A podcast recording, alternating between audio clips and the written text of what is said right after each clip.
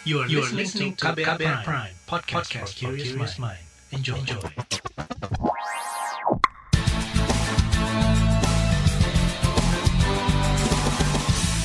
Halo saudara, senang sekali kami bisa menyapa Anda kembali melalui program KBR Sore edisi Selasa 30 November 2021. Saya Agus Lukman kembali menemani Anda selama kurang lebih 30 menit ke depan. Sore ini kita membahas Undang-Undang Omnibus Law Cipta Kerja yang dinyatakan catat formil oleh Mahkamah Konstitusi. MK menyatakan undang-undang ini harus diperbaiki karena tidak sesuai dengan aturan pembentukan peraturan perundang-undangan yang berlaku di Indonesia. Kalangan masyarakat sipil berharap pemerintah tidak hanya merevisi aturan formil pembentukan undang-undang cipta kerja saja, tapi juga memperbaiki substansi atau isinya yang kontroversial. Apakah pemerintah mau merevisi substansi dari Undang-Undang Cipta Kerja ini? Kita bahas lengkapnya di KBR sore. Saudara, Presiden Joko Widodo menyatakan pemerintah menghormati dan akan melaksanakan putusan Mahkamah Konstitusi yang menyatakan Undang-Undang Cipta Kerja cacat formil atau inkonstitusional. Jokowi mengatakan pemerintah dan DPR akan segera merevisi undang-undang itu dan ia berkomitmen undang-undang yang dikenal sebagai aturan sapu jagat ini tetap menjamin keamanan dan kepastian investasi di tanah air. Komitmen pemerintah dan komitmen saya terhadap agenda reformasi struktural, deregulasi, dan debirokratisasi akan terus kita jalankan kepastian hukum, dan dukungan pemerintah untuk kemudahan investasi dan berusaha akan terus saya pimpin dan saya pastikan. Sebagai negara demokrasi yang berdasarkan hukum, pemerintah menghormati dan segera melaksanakan putusan Mahkamah Konstitusi. Presiden Joko Widodo menegaskan Undang-Undang Cipta Kerja masih berlaku dan karenanya seluruh peraturan pelaksanaan undang-undang yang sudah diterbitkan akan tetap diberlakukan. Saya telah memerintahkan kepada para Menko dan para menteri terkait untuk segera menindaklanjuti putusan MK itu secepat-cepatnya. Dan MK sudah menyatakan bahwa Undang-Undang Cipta Kerja masih tetap berlaku. Pemerintah dan DPR sebagai pembentuk undang-undang diberikan waktu paling lama dua tahun untuk melakukan revisi atau perbaikan-perbaikan.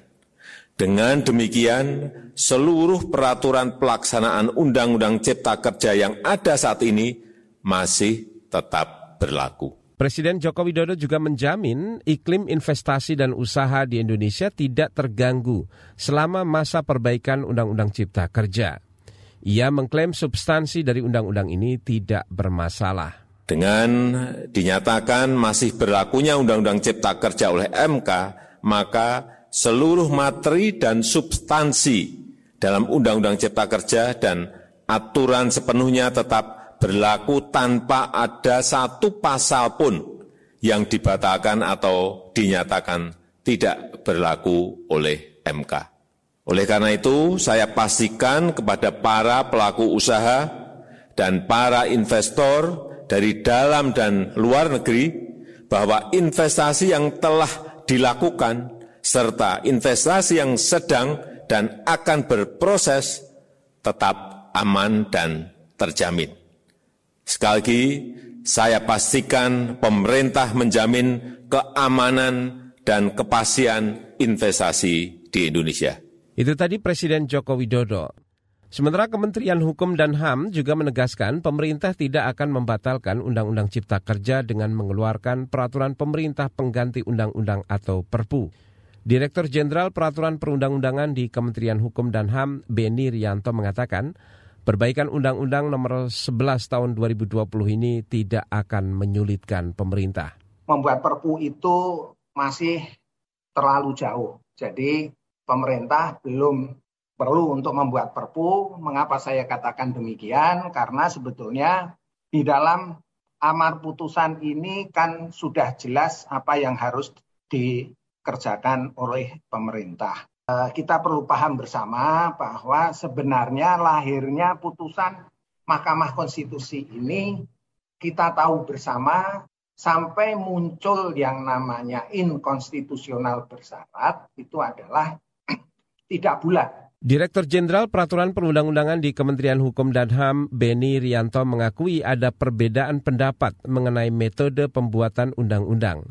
Ada yang berpendapat metode bisa berkembang sesuai dengan kebutuhan hukum sehingga tidak perlu dinormakan dalam aturan perundang-undangan agar tidak membatasi. Namun ada juga yang berpendapat pembuatan perundang-undangan harus dinormakan seperti melalui Undang-Undang Nomor 12 Tahun 2011 tentang tata cara pembentukan peraturan perundang-undangan. You're listening to KBR Pride, podcast for curious mind. Enjoy!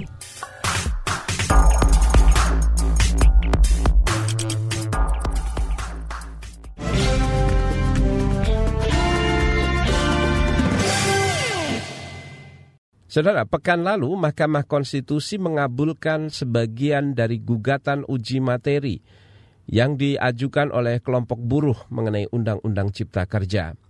MK menyatakan proses pembentukan undang-undang ini tidak sesuai konstitusi sehingga cacat formil. Atas dasar putusan ini, pemerintah didesak segera merevisi substansi dari Undang-Undang Cipta Kerja termasuk mengenai aturan turunan soal upah buruh. Lalu bagaimana nasib buruh dan pengupahan? Berikut laporan yang disusun jurnalis KBR Astri Septiani.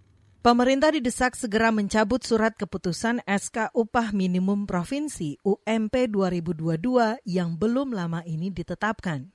Alasannya, SK itu merujuk pada peraturan pemerintah tentang pengupahan sebagai aturan turunan Undang-Undang Cipta Kerja yang telah ditetapkan Mahkamah Konstitusi MK inkonstitusional bersyarat. Putusan MK itu direspon positif kaum buruh sebagai salah satu pihak yang mengajukan uji materi Undang-Undang Cipta Kerja ke MK. Mereka kemudian mendesak dan memprotes pembatalan penetapan UMP yang sudah dilakukan. Kemarin, para buruh menggelar unjuk rasa di Jakarta dan meminta kenaikan upah tahun depan. Sebelumnya, Gubernur Jakarta Anies Baswedan menetapkan kenaikan upah buruh 2022 naik sebesar 0,8 persen atau Rp37.000.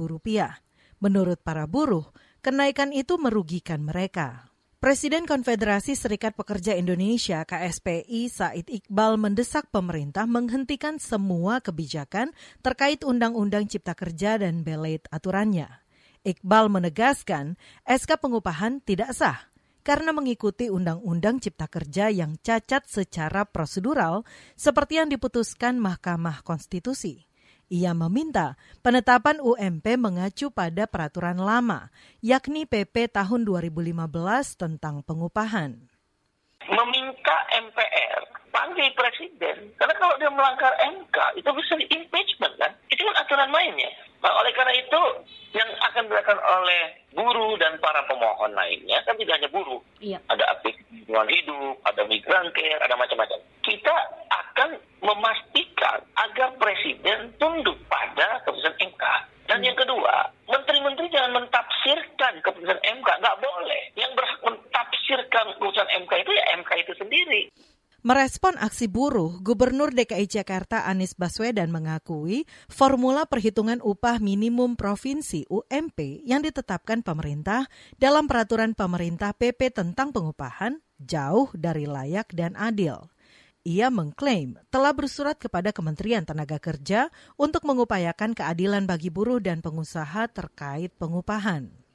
Jadi ketika ada ini, apa yang kita lakukan? Kita bersurat kepada Kementerian Tenaga Kerja kita mengatakan formula ini tidak cocok untuk diterapkan di Jakarta. Formulanya harus memberikan rasa keadilan. Jadi itu sudah kami kirimkan dan sekarang kita sedang fase pembahasan. Kita berkeinginan agar di Jakarta baik buruh maupun pengusaha merasakan keadilan. Namun, pemerintah punya tafsir berbeda soal putusan MK. Pemerintah menegaskan semua substansi aturan yang terdapat di dalam aturan ini tetap berlaku meskipun harus diperbaiki. Menko Perekonomian Erlangga Hartarto menegaskan pemerintah akan tetap menerapkan Undang-Undang Cipta Kerja di seluruh sektor, baik di pusat maupun daerah. Salah satunya yakni mengenai aturan ketenaga kerjaan. Selain itu, kata dia, revisi Undang-Undang Cipta Kerja ini akan masuk program legislasi nasional DPR di 2022 yaitu pertama pemerintah terus melakukan operasionalisasi daripada Undang-Undang Cipta Kerja pada seluruh sektor, baik di pusat maupun di daerah, yang mencakup antara lain terkait dengan ketenaga kerjaan termasuk pelaksanaan terkait dengan jaminan kehilangan pekerjaan dan juga terkait dengan pengupahan. Terkait dengan uh, ini, Menteri Dalam Negeri akan menyampaikan instruksi Menteri Dalam Negeri kepada kepala daerah terkait dari operasionalisasi dari Undang-Undang Cipta Kerja. Sementara itu, kalangan pengusaha mengklaim putusan MK tak berdampak pada dunia usaha. Ketua Umum Asosiasi Pengusaha Indonesia Apindo Haryadi Sukamdani menyebut keputusan MK itu hanya menyasar pada ranah formal atau pembentukan undang-undang yang tidak sesuai dengan undang-undang tentang pembentukan peraturan perundang-undangan. Uh, di situ disebutkan mengenai pembentukan undang-undang ya. Jadi uh, direvisi sampai dengan uh, pembentukan undang-undang itu uh, memenuhi hukum formil. Jadi kalau kami melihat ini adalah terkait dengan Undang-Undang Nomor 12 tahun 2011 yaitu tentang undang-undang pembentukan uh, uh, UU tentang pra, pra, pembentukan peraturan perundangan. Nah, intinya di situ. Demikian laporan khas KBR, saya Aika Renata. Saudara, kalangan anggota DPR bakal mengupayakan revisi Undang-Undang Cipta Kerja baik secara formil maupun material. Seperti apa upayanya? Simak informasi selengkapnya setelah jeda, tetaplah di KBR sore. You're listening to KBR Pride, podcast for curious mind. Enjoy!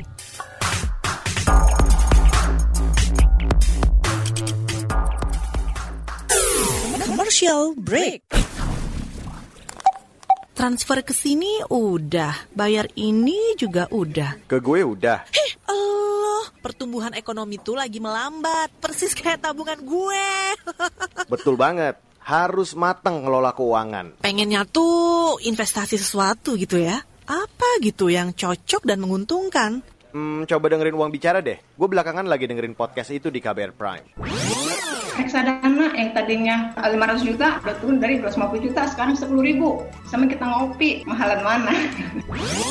Ketika itu ada keputusan yang kayak begitu investor harus tahu gitu oh ada keputusan ini berarti implikasinya apa? Orang mungkin perluas literasi kamu lewat podcast Uang Bicara. Uang Bicara menavigasi kamu dengan menghadirkan bahasan-bahasan seru dan populer mulai dari investasi sampai kebijakan. Dipersembahkan oleh KBR Prime dan bisa didengarkan di KBR Prime, Spotify, dan platform mendengarkan podcast lainnya. KBR Prime, podcast for curious mind.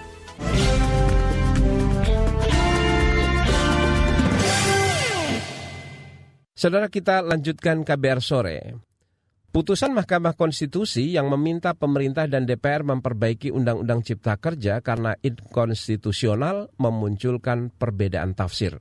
Ada yang menganggap perbaikan hanya terkait proses pembentukan atau soal formil, tapi ada juga yang beranggapan perubahan juga harus menyentuh substansi atau material. Anggota fraksi PKS di DPR Ahmad Junaidi Auli mendorong agar revisi tidak hanya sebatas formil tapi juga material atau substansi dari undang-undang itu. Ya saya kira semestinya juga MK juga memperjelas bahwa beberapa substansi itu juga menjadi uh, domain yang harus dirubah.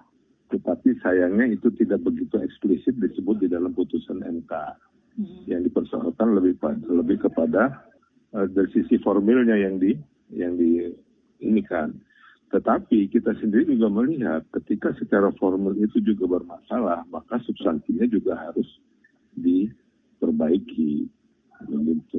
Junaidi mengatakan keputusan MK menunjukkan pemerintah gegabah dan terburu-buru dalam membahas dan menyetujui aturan di Undang-Undang Cipta Kerja dan mengabaikan proses penyusunan undang-undang. Kalau soal itu ya panjang ya, banyak sekali item-item dari segi substansi yang kita persoalkan. Mungkin bisa lebih uh, detail lihat di pandangan praksi kita dulu ya soal soal undang-undang cipta kerja ini. Dan dari dan dari sisi uh, mekanisme pun kita juga sudah mempersoalkan itu sejak awal. Gitu. Jadi sebenarnya uh, eh, MK ini sudah mengakomodir ketidakpercayaan kita dari awal terkait dengan uh, Undang-Undang Cipta Kerja ini.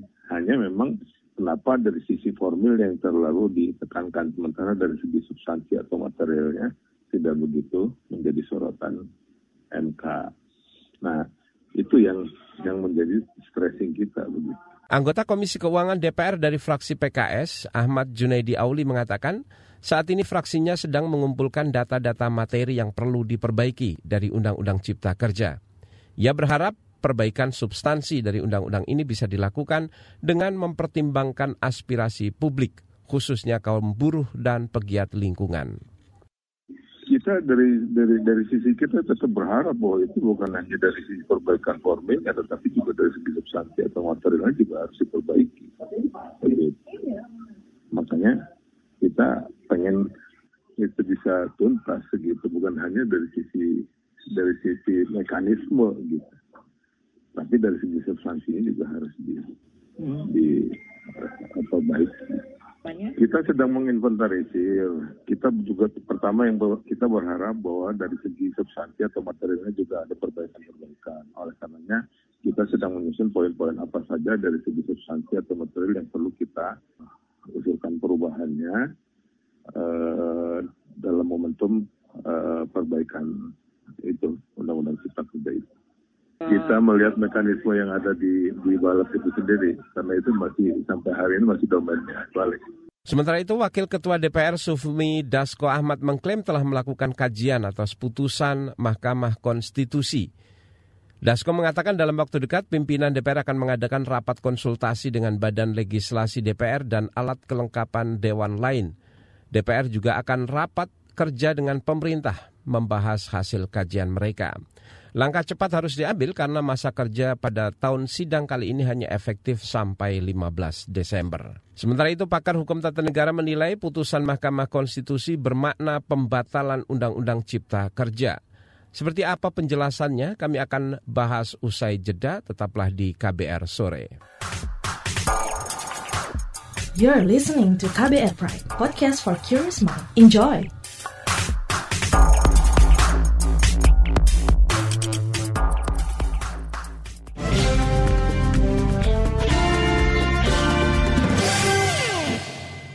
Anda masih mendengarkan KBR sore. Saudara, Mahkamah Konstitusi menyatakan Undang-Undang Cipta Kerja inkonstitusional bersyarat karena pembuatannya tidak sesuai dengan konstitusi dan kaidah pembuatan perundang-undangan yang baik. Mahkamah Konstitusi memberi waktu dua tahun untuk perbaikan undang-undang itu. Lalu apa maknanya? Apakah undang-undang ini masih berlaku atau batal? Berikut perbincangan jurnalis KBR Reski Novianto dengan pakar hukum tata negara dari Universitas Andalas, Ferry Amsari. Berkaitan dengan putusan MK terhadap Undang-Undang Cipta Kerja, menurut Anda apa yang semestinya dilakukan pemerintah dan DPR? Ya, eh, pertama pemerintah harus mengetahui apa itu jenis putusan inkonstitusional bersyarat. Inkonstitusional bersyarat itu dia inkonstitusional. Jadi undang-undang itu dinyatakan inkonstitusional sampai terpenuhinya syarat yang ditentukan oleh Mahkamah Konstitusi. Artinya satu paket undang-undang cipta kerja itu dianggap batal ya dianggap bertentangan dengan tata cara pembentukan uh, undang-undang yang didelegasikan oleh pasal 20A Undang-Undang Dasar 22A Undang-Undang Dasar 1945. Kalau kemudian pemerintah meminta memperbaiki di dalam pertimbangan mahkamah itu di hampir empat tahapan ya pembentukan undang-undang dari awal hingga kemudian persetujuan, maka itu kan perbaikan dari awal pemerintah disuruh membuat undang-undang ini sedari awal prosedurnya, menampung aspirasi publik, mendiskusikannya kembali ke masyarakat, mensosialisasikan rancangan undang-undangnya, sehingga benar begitu ya. Jadi kalau dari awal hingga akhir kemudian undang-undang ini harus dibuat kembali, artinya juga berkaitan dengan materi muatan. Harus diingat kalau uji formil itu maknanya satu paket undang-undang itu dibatalkan. Kalau satu paket undang-undang itu dibatalkan juga termasuk materi muatannya uh, harus dipahami konsep uji material dan konsep inkonstitusional bersyarat itu. Nah, oleh karena itu pernyataan Pak Presiden yang mengatakan bahwa undang-undang ini masih berlaku karena pasal-pasalnya tidak dibatalkan MK itu tidak tepat karena sifat uji uh, formil itu adalah membatalkan seluruh paket undang-undang. Menurut Anda, apakah artinya Undang-Undang Cipta Kerja harus direvisi atau dirumuskan ulang? Ulang, ya karena di dalam pertimbangan kan disebut dari lima tahapan minimal empat harus dilakukan sesuai prosedur, hmm. yaitu tahapan perencanaan, tahapan penyusunan, tahapan pembahasan, dan tahapan kemudian persetujuan. Jadi kalau kemudian perencanaan, penyusunannya saja harus diulang dari awal, itu maknanya kan undang-undang ini dirombak total begitu ya. Hmm. Harus sesuai dengan ketentuan Undang-Undang 12 tahun 2011, junto Undang-Undang 15 2019 tentang pembentukan peraturan perundang-undangan. Kalau langsung semua dari awal dirombak ya artinya materi muatan harus mengikutkan partisipasi publik baik itu buruh, masyarakat adat dan semua orang yang berkepentingan dengan peraturan perundang-undangan ini. Pemerintah dan DPR malah berencana memperbaiki pembentukan peraturan perundang-undangannya. Bagaimana menurut Anda? Ya, jadi itu pemaknaan yang tidak berdasarkan kepada putusan MK 91. Di dalam sembilan poin pokok kamar putusan Mahkamah Konstitusi itu tidak satu pun bicara perbaikan Undang-Undang 12 atau Undang-Undang Pembentukan Peraturan Perundang-Undangan. Hmm. Semuanya bicara perbaikan Undang-Undang 11 tahun 2020 tentang Cipta Kerja. Jadi jangan kemudian lubang kunci itu disesuaikan dengan kuncinya. Hmm. Yang disuruh perbaiki itu kuncinya yaitu Undang-Undang Cipta Kerja kerja, bukan gagang kuncinya, bukan Undang-Undang 12 uh, tahun 2011 tentang pembentukan peraturan perundang-undangan. Jadi kalau kemudian pemerintah dan DPR malah memperbaiki Undang-Undang 12, itu objek gugatan lagi karena tidak sesuai dengan putusan ini. Itu tadi saudara perbincangan jurnalis KBR Reski Novianto dengan pakar hukum tata negara dari Universitas Andalas Ferry Amsari. Informasi tadi menutup jumpa kita di KBR Sore edisi Selasa 30 November 2021. Pantau selalu informasi terbaru melalui situs kbr.id, Twitter kami di akun @beritaKBR serta podcast di alamat kbrprime.id. Jangan lupa untuk tetap mematuhi protokol kesehatan dengan 6M, memakai masker, menjaga jarak, mencuci tangan dengan sabun, menjauhi kerumunan, mengurangi mobilitas, dan mengikuti vaksinasi COVID-19. Saya Agus Lukman bersama tim yang bertugas kami undur diri. Salam.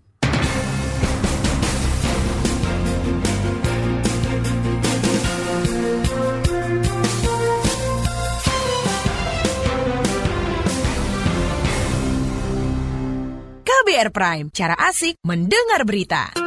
KBR Prime, podcast for curious mind.